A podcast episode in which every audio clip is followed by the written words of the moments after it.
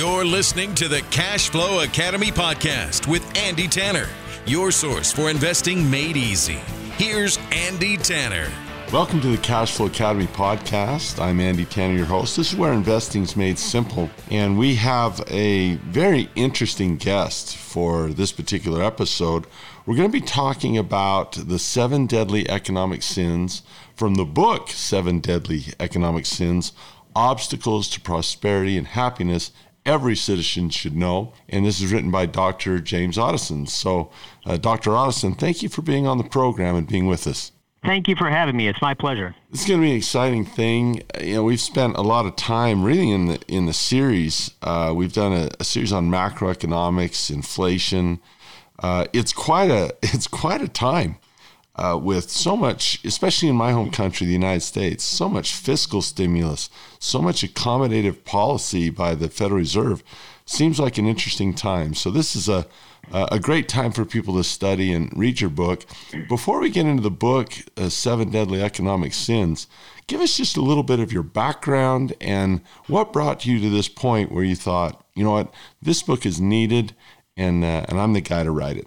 Well, thank you for asking me all of that. And you're right; these are interesting times, aren't they? Um, oh boy! So my background, my uh, my background is I'm a uh, philosopher by training. My PhD is in philosophy, but I teach in a business school, which is a pretty unusual place for a philosopher. But I uh, did my graduate work and uh, have written quite a bit about Adam Smith, both his um, moral theory and uh, what's much better known now, his uh, economic theory. Um, and what that got me interested in was understanding really what are the institutional requirements for growing prosperity, um, and also whether there is a way of engaging in the kind of commercial society that Adam Smith and many others have recommended, um, while at the same time being a fully moral person. Um, and what led me, uh, in particular, to write this book was the growing concern that I had that many people who have opinions about economic matters, and you know, frankly, that's almost all of us. We all have op- opinions about economics and economic policy, um, and uh, some of those opinions are very strongly held. But uh, most of us have not actually studied economics.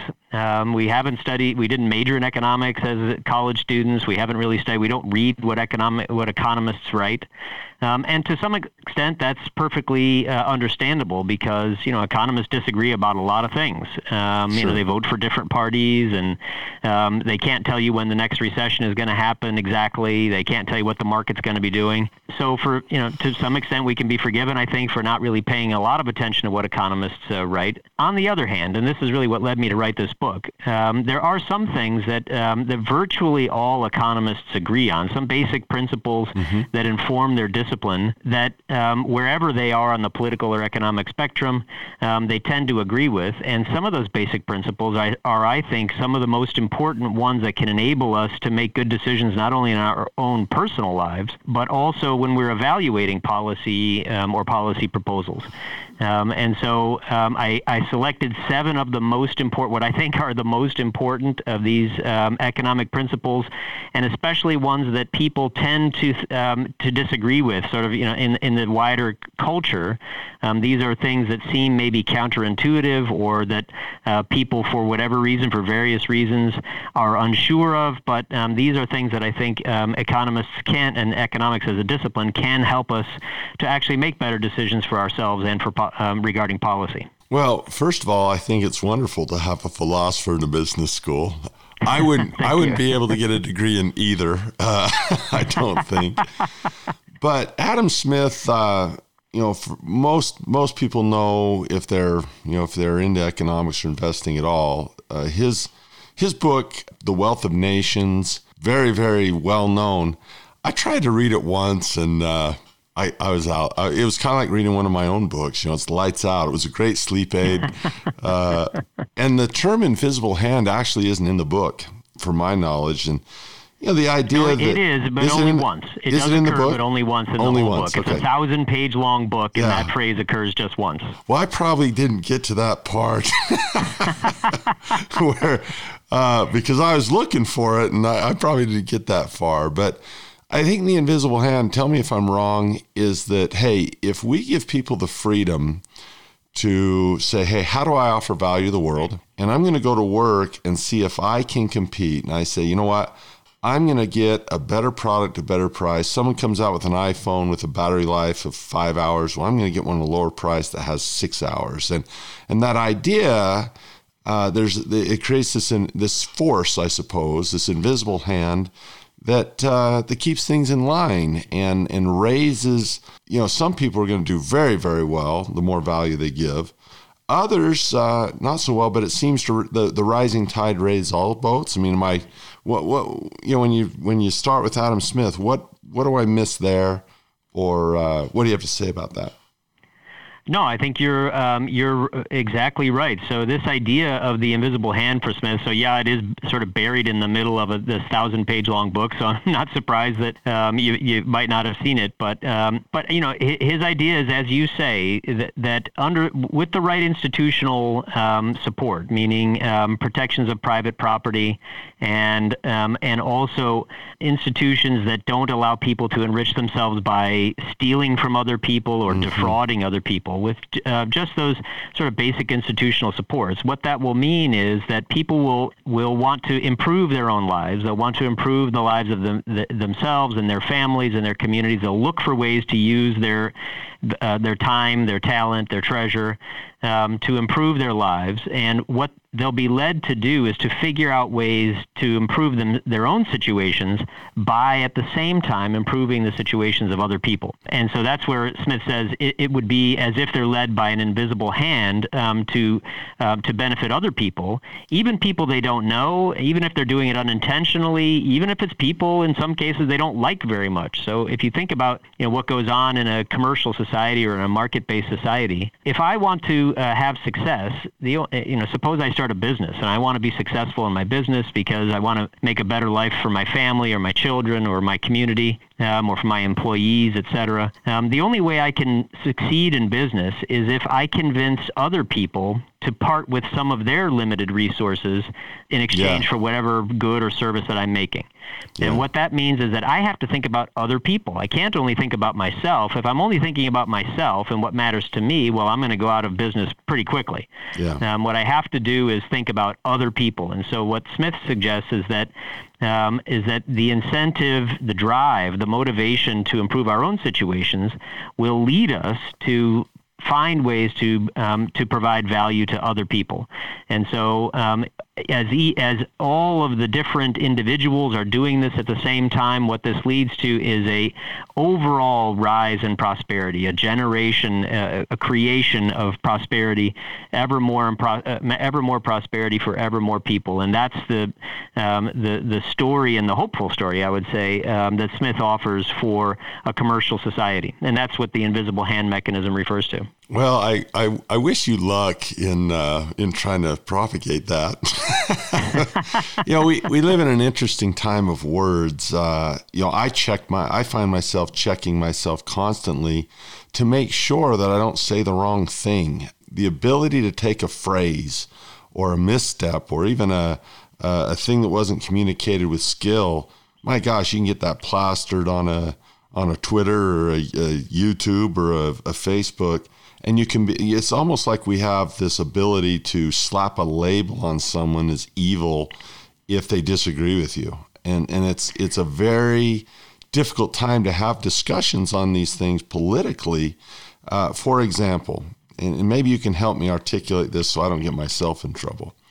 Yeah I, I believe that there there are certainly unfairnesses in the world. I, th- I think if someone from a philosophical point was say that we all start off with an equal opportunity and we all start off uh, at the same spot and anyone can do anything. I think that's unrealistic. You know, some people are born with a higher IQ.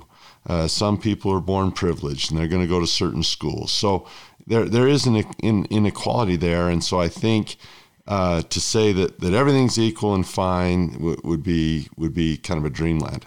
On the other side of things is, is I if I play the victim of myself, I can certainly find things in my life where I had to overcome. And so if I if I begin to preach hard work, courtesy, honesty, value, uh, competitiveness, uh, coming back from failure, a willingness to risk, all that good, like the attributes of, of the best of what makes humans best, I might say, you know, with those things embraced, I might be able to overcome, you know, some of the some of the inequalities that have been, you know, thrown on me.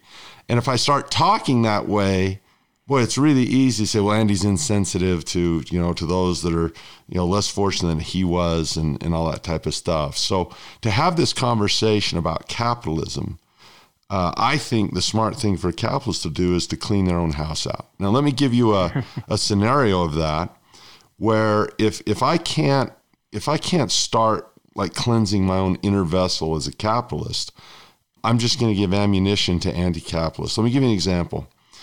In uh, in 2003 or four, you know, we had this big crash of, of the market in 2000. We had 9/11, and Alan Greenspan says we're going to have policy that says rates are low. We're going to have accommodative policy, and uh, you know, bankers use that aggressively with collateralized debt obligations.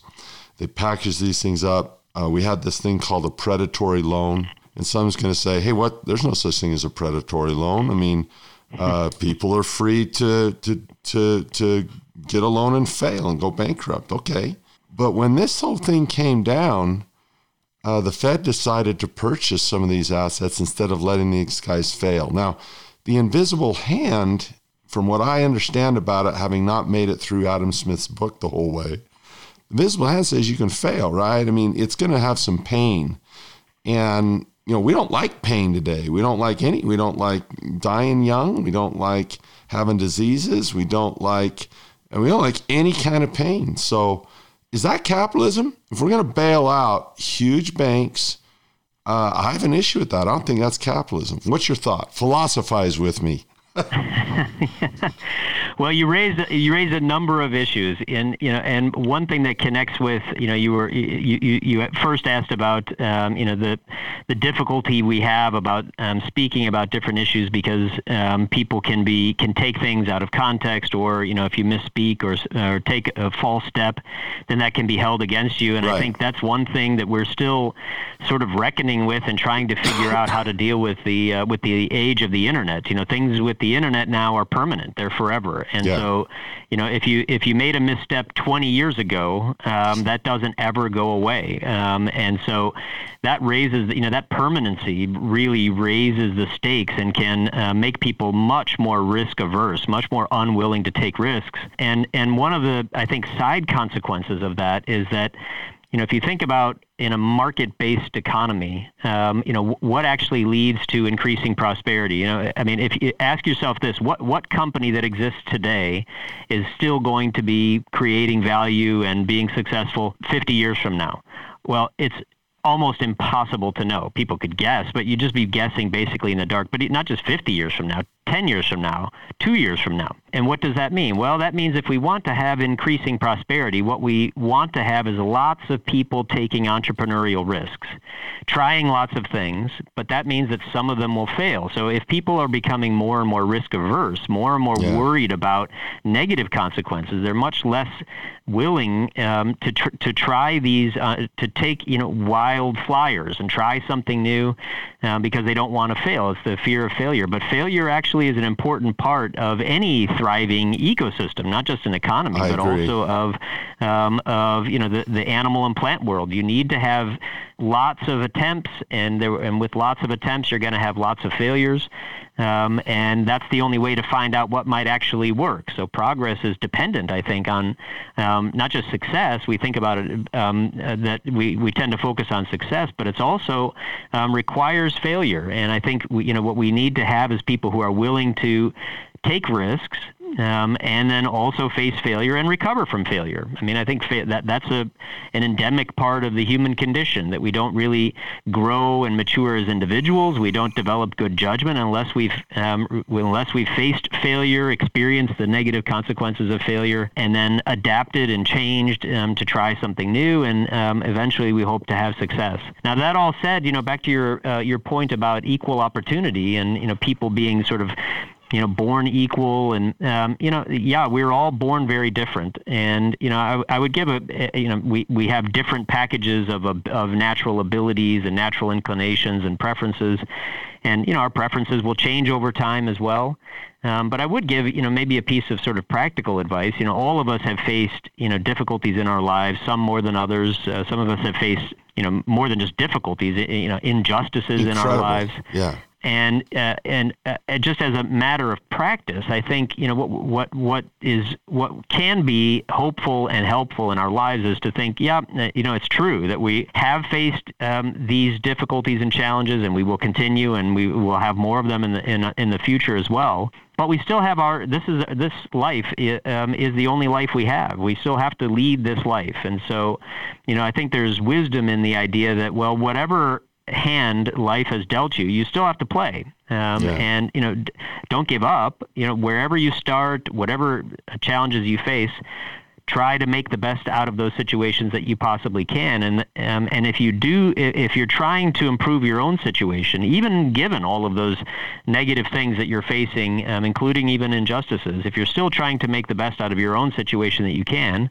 um, then there's a good chance that by doing so, you're also going to be helping other people, maybe even people yeah. you don't know. You know, you're going to start a business or try to start a business or work at a company, um, and the people who will ultimately say buy the products or buy the services that your company is providing, you don't, you might not know who they are, they might not know who you are, um, and maybe under other circumstances you might have reasons to be suspicious or wary of one another. But this is a vehicle. This can be a vehicle to provide value not only for yourself but for other people. You can improve your own life and improve the lives of others as well. And that I think is something that can be that can give people hope and also maybe even a, kind of a motivational inspiration. That uh, yes, it's true that none of our lives are going to be perfect. We're all going to make. We're all going to. You know, we are all imperfect creatures. We will all fail. We will all make mistakes. Um, and some of the mistakes that uh, or some of the uh, bad things that happen to us in our lives are through no fault of our own. Um, they're because other people have treated us unjustly or because institutions are treating us unjustly. But we still have a life to lead, and you know, thinking about well, how can I improve my situation, even given the constraints and challenges I face. That can be a way to um, th- that can give us a kind of hopeful motivation for ourselves, but also the the hope of, uh, of improving other people's lives as well. You know, as a as a I I politically, I've worked very hard to embrace political neutrality. And if I had to lean like even an inch out of that, I'd probably lean libertarian because it seems like to me that Democrats and Republicans are really, really good at telling me how I should live, and they just seem to know. You know, they they both of them want more power and want it bigger, and I wish they would stay out. And let's talk about unseen consequences because policymakers, you know, human beings, we we kind of go about the earth as if it belongs to us you know, like a bird or a turtle doesn't belong to them, doesn't belong to a plant, doesn't belong to a whale. Oh, it belongs to us. It's our earth and everything's below us. So we're going to dink around with the ecosystem and we're going to manipulate things. And so we get policies in this endless try to create, like the Wizard of Oz, levers and dials and things we can tweak to try to control this thing that we believe is ours, right? And and I, I think it's interesting how many unseen consequences uh, the 401k, you know, you have a legislature, Barber Conable up in New York, that's got a couple constituents that he wants to throw in uh, some legislation so they can defer some, you know, bonus on their salaries. And they write this little thing under a thousand words uh, called the 401 section 401k in a tax code in 1978. Two years later, in 1980, uh, you get Ted Benna, uh, an advisor, finds this. He says, "My gosh, we could we could turn this into a, retirement program. Next thing you know, pensions are gone, and the 401k is the. There was never a think tank or a brain trust or a bunch of women and men who are smart who said, "Hey, let's figure out a better way to retire." It's just this little arcane paragraph. And Wall Street says, "Well, my gosh, look at the look at the assets under management we get here. Automatic deductions from their paycheck before they spend it into our coffers." So I look at unseen consequences. There's hundreds of examples of this what do you see in terms of of policymaker? What are some of these seven deadly sins they commit? And, and what are some of the unseen consequences that are coming out of this stuff? Just a few examples to kind of tease your book a little bit because I think it's a cool book.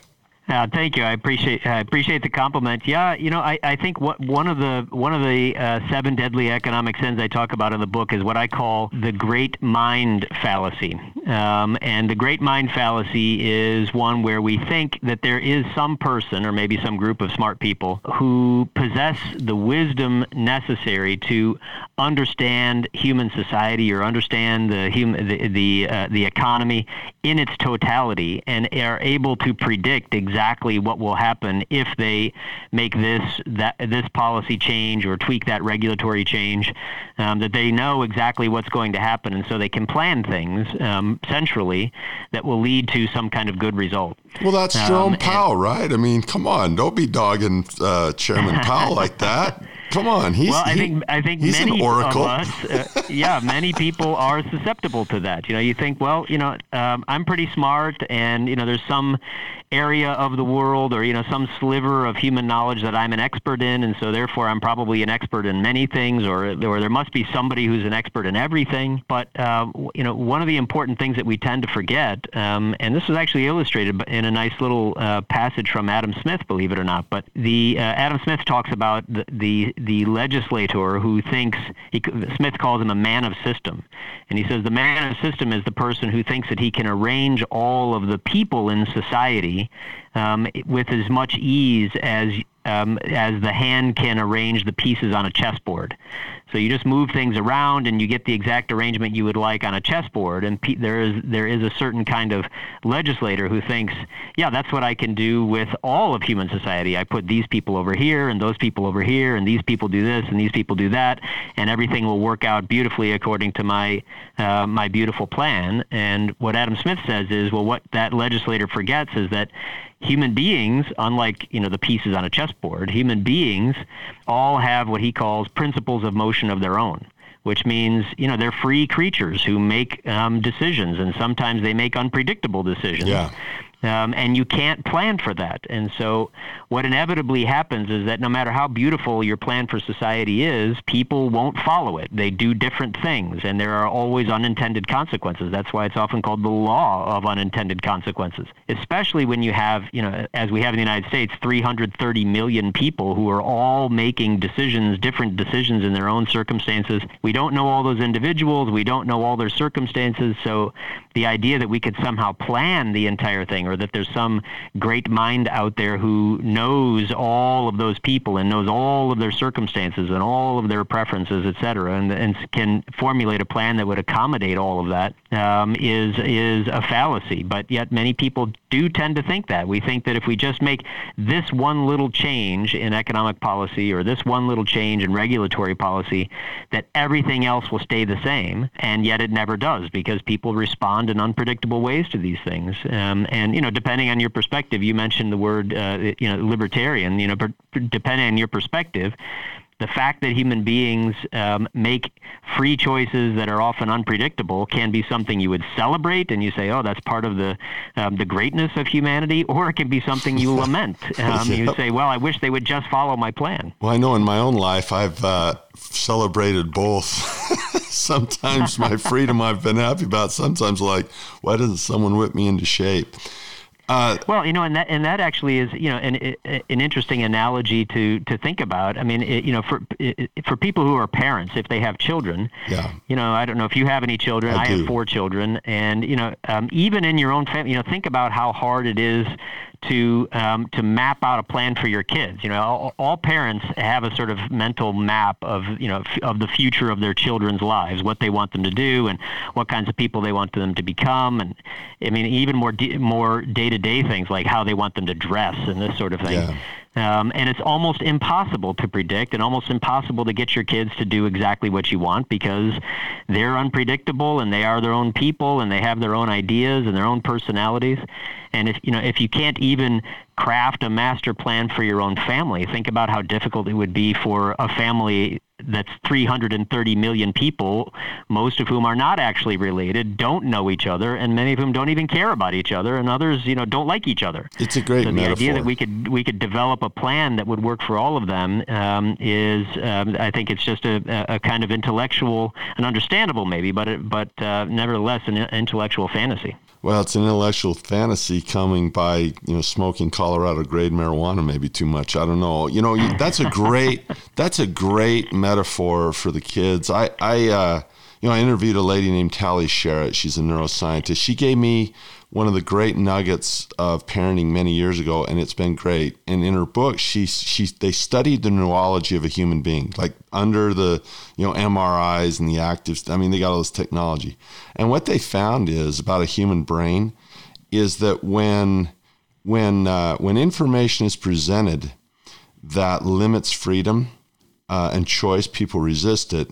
And yet, when information is presented that expands choice, uh, that type of persuasiveness is embraced. And I thought about that and I experimented with mm. my hmm. kids and, and I really did. I said, you know, honey, let's take everything we thought they should be and let's wipe it away and let's just let them choose things. And it has been absolutely nothing short of amazing. Now they're only 15 and 13, so we're not done yet. It might turn into a total train wreck and you know they wind up on a wanted poster or something.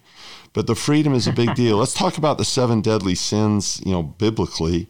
I don't know what all of them are. I just know gluttony is probably my favorite. But uh, one of them is envy. And I and I read a book by Stephanie Kelton, which I think is one of the most disturbing books I've ever read. I wish I could debate her uh, from a philosophical standpoint. You know, I, I think about I, you know, I, I, Dr. Otteson, I thought about the iPad, and I gave my kid an iPad when he was four. And a lot of people said that's too expensive of a gift to give a kid who's four.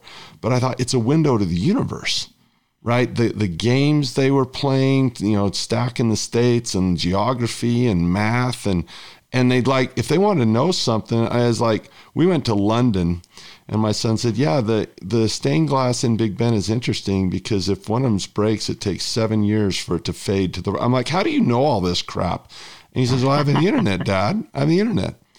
And you take a guy like Steve Jobs, how hard is it to create 350 million of those and then not only create them, but deliver them to 350 million people around the world? I mean, how many Super Bowl arenas that fills? That's a hell of a, of a thank you, Steve. Thank you. I look at Amazon, I think I get something from there about twice a week. And here this guy has figured out a logistic, start out with a bookstore, and he has become a logistical genius in getting products and services to me like so quick. And i'm so thankful and like i'm so thankful for my ipad. And you know even this podcast is coming because i have steve jobs' equipment here in my office. So here's the thing about stephanie that, that made me crazy. She was upset about the number of swimming pools that Jeff Bezos has. And I thought to myself, why do we need a law that says there's a limited amount of swimming pools you can have? Look, I don't care about how many swimming pools Jeff has. He's done some cool stuff for me. And I wouldn't want, you know, seven swimming pools. I, you know, I don't even want a Ferrari. I wouldn't fit. But, but I think in each individual person has the, the stuff they want. And if you want to set a goal to have nine Ferraris, that's not my goal, but I'm not going to say that can't be your goal. And, and, so I, you know, what is envy? Is that a uh, is that a problem that could stop? Like like what? I mean, the, the inequality is like, well, these guys are rich. Look, I have food, I have clothing, I have shelter. I can get my kids an ice cream cone. I, I don't want people to be destitute. But do I need to have seven, swimming pools like Jeff Bezos does to be fair? What's your thought on envy? Well, envy is uh, one of the seven deadly sins for a reason. I think. I mean, I, yeah, I think all of the, you know, the standard list of the seven deadly sins: uh, pride, greed, lust, envy, gluttony, wrath, and sloth. Uh, you know, th- they are identified um, and have been identified for thousands of years now for a reason. These are things that we are we are all routinely susceptible to, very easily susceptible to, and all of them can lead to various kinds of um, damage and destruction, both in our own lives and our relations to other people. So, uh, envy is one we don't talk about as much, I guess, uh, but it is uh, one of the seven deadly sins for a reason. You know, and uh, in the connection to inequality and Jeff Bezos, you know, I I think um, what might you know I'm speculating a bit here, but I think you know one of the things that might go on is if you think about the the past, the, the great civilizations that human beings have created in the past, you know the the Egyptian pharaohs with their yeah. pyramids and the you know the Roman Empire and the Song dynasty in China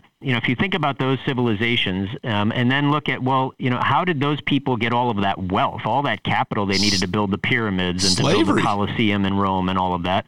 Well, how did they get it? They got it by taking it from other people. Slavery, right? Yeah. Conquest, slavery, yep. theft, fraud, through all of these um, uh, different species of, of profound injustice. Um, and so I think what might what a lot of people might assume today is that that's really the only way to get wealthy. The only way you can get wealthy is by stealing it from people, exploiting them against their will, stealing from people, defrauding from people, um, conquering and and um, and enslaving, etc.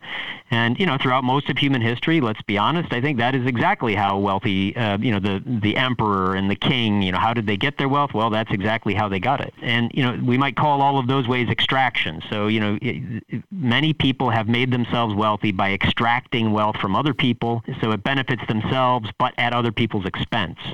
But there is a different way to uh, to become wealthy, and that's really something that's only become possible and widespread in the last, you know, maybe 200 years, relatively recently in human uh, human history, and that is through what I would call cooperation, where where I create or produce something that you value, you create or produce something that I value, and we exchange. And we do so voluntarily. So, not by me stealing it from you, but through a voluntary exchange, voluntary trade. Um, and when you have that, um, it's not me getting, um, getting benefit at your expense, it's both of us benefiting at the same time. We both get better together. That, and you know, that I would call cooperation. So, not extraction, but cooperation. Um, and so I think when when people today view the seven pools or whatever it is and the nine Ferraris that uh, that Bezos has, um, you know, they might uh, be thinking, well, I don't know exactly what he did wrong, but surely he must have done something wrong to become so wealthy. Yeah. Um, and probably because they're still thinking in you know these the historical terms of you know how did the emperor and the king in the past get wealthy in, the, in this in, through extraction. But I would note just one uh, one interesting uh, fact for you. Um, you know, not only is it I, I think the case that people can become wealthy um, through cooperation, where both parties are made better off through positive sum transactions. But a few years ago, uh, William Nordhaus, who's a, a Nobel Prize winning economist, uh, actually tried to make an estimate um, over the last approximately 80 years in the United States. He looked at entrepreneurial innovators um, and tried to estimate how much of the total value created through entrepreneurial innovation was captured by the innovators themselves. In other words, you know, if um, if 100% um, is is all of the value that they created, what percent of that did, um, was going to them? And looking at all of these different entrepreneurs and all these different innovations for about 80 years in the United States, uh, he came up with the estimate of 2%. Um, so 2% of the total value that they create in the world do the innovators themselves capture. Interesting. Um, so if you think what that means is that the rest of us enjoy 98%. Yeah. So, you know, so uh, put that in the context of Jeff Bezos. So I don't know exactly what his net worth is estimated to be today. It's something very high, 150 billion, maybe it's 200 billion. I, I, I don't know what it is. Suppose it's 200 billion dollars. Well, if that if Nordhaus's estimate is cor- of two percent uh, is correct, then that means that Jeff Bezos' $200 billion of net worth represents only 2% of the total value he's created in the world, which, um, if you check my math here, and, uh, but I think that would mean something like $50 trillion worth of value is what he's created in the world. I can't do um, that so in my head, but I'll trust you. yeah, well, you know, it, it's some astronomical yeah, number. It's but, ridiculous. You know, that gives you an idea that, yeah, $200 billion is a lot of money, but it pales in comparison to what he's to given. the total value created for the the rest of us, even though we don't see it because it's divided among hundreds of millions of people who are using his um, who are using his uh, products and services. You know, even just a little bit every week, and sometimes multiple times a week. Yeah, I mean, well, I think Steve Jobs is a better visual. I mean, he has you know gigantic wealth. You know, my son has a, an iPad, and I have a computer, and we have Apple TV. So you you know you have that small luxury times you know billions of people around the world is going to translate into a large luxury for the guy that gave it to the billions, right? And it's no way yeah. if you take the aggregate to, to level that ledger in in in the favor of the capitalist. However, I will say this, you know, the the the attributes that make the best of what a human being is. Really, if you want to look at the economics of socialism and the economics of capitalism, the sins are everywhere. For example, greed is a love of money and almost an insatiable desire for more for the sake of having more money. And when you step over the line of saying, well, I just want the money, I'm not making the world better, value, giving value to others, there's not a fair exchange. So greed is when we want money in an unfair exchange for the sake of insatiable money, you know, wanting cash, an, an inequitable exchange, right? Uh, and that, what is an equitable, inequitable exchange? It's wanting a lot for a little. It's wanting a lot. It's wanting something for nothing. And what's interesting is is a capitalist that is beneath the, the, the greatest attributes of, of human goodness will be greedy and want inequitable exchanges. But what's interesting is so will the socialist when you throw a little sloth in there too. Uh, there's some people that want to get something for nothing, and it's just which which part of the of the pyramid do you want to be honest about? Do you want to be really honest about some of the, you know, Bernie Madoff was a was not a capitalist. He was a dishonest guy with sloth and wanted something for nothing, right? Yeah. And so you look at a guy like Madoff in the billions, but you also look at a, a person at the bottom of the economic thing who says, "Look, just uh, the government should take care of me. I don't want to put out much." Uh, I don't want to take a risk. I don't want to. You know, I'm entitled to these these things, and I should just have this because I exist. You know, no other animal on Earth is is has the ability to protect themselves like we can. You know, lions aren't entitled to anything. Whales aren't entitled. Flowers aren't entitled. You know, it's an interesting idea that we, as the lords of this earth, because it's ours, well, we're entitled to not have pain.